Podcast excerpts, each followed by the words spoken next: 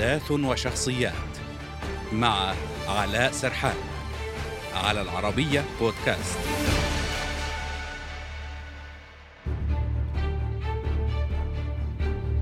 واجه الحياة مبكرا منذ صغره. عاش في كهف وكان يقرأ على ضوء مصباح الكيروسين. رفضت طلباته للانضمام للحزب الشيوعي بسبب ماضي والده. عمل مزارعا قبل تسلق سلم السلطة. كرس اسمه وأيديولوجيته السياسية في دستور البلاد. الرئيس الصيني شي جين بينغ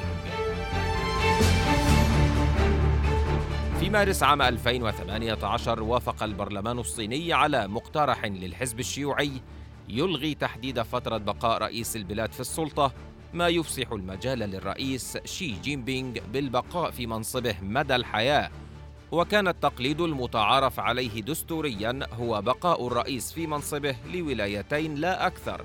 لذا كان من المقرر أن يتنحى شي جين بينغ عام 2023 لنتعرف على الرئيس الصيني شي جين بينغ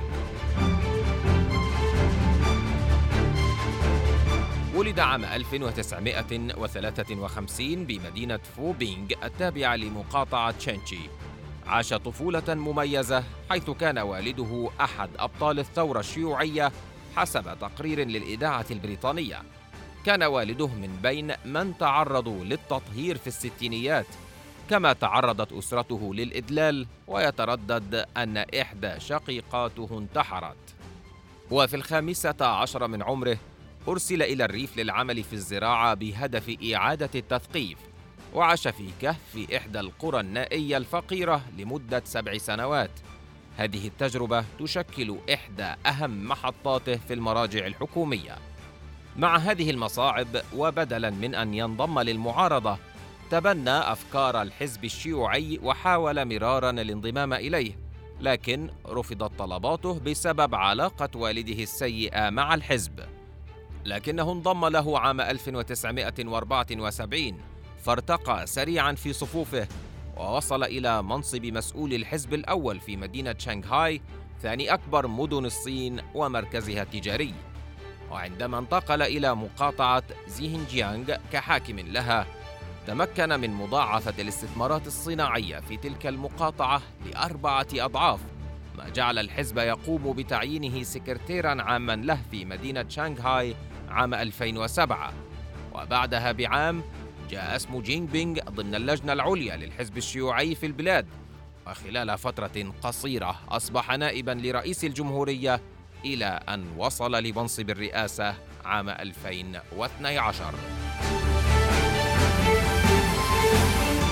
أصدر جين بينغ في عام 2014 كتاب حكم الصين الذي تضمن فلسفته السياسية ونظرته للعالم.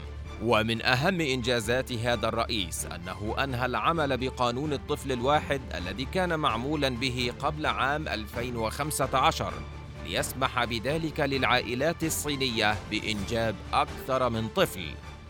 يحمل شي جين بينغ شهادة في الهندسة الكيميائية وتابع فيما بعد ليحصل على دكتوراه في القانون.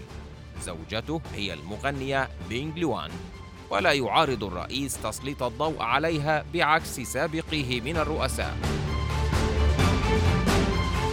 طرح الزعيم الصيني رؤيته عن مستقبل الصين والتي أطلق عليها اسم حلم الصين.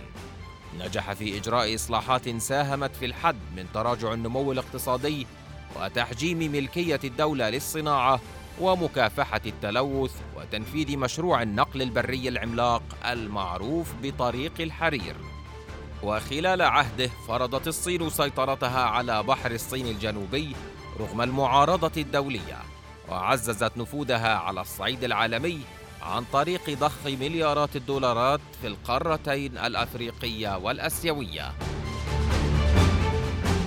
قاد حملة أطلق عليها النمور والذباب لمحاربة الفساد عززت شعبيته ضمن الصينيين البسطاء.